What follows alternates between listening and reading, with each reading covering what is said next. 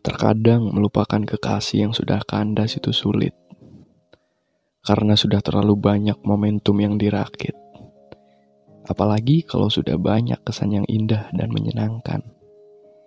Itulah yang membuat isi kepala menjadi beban pikiran.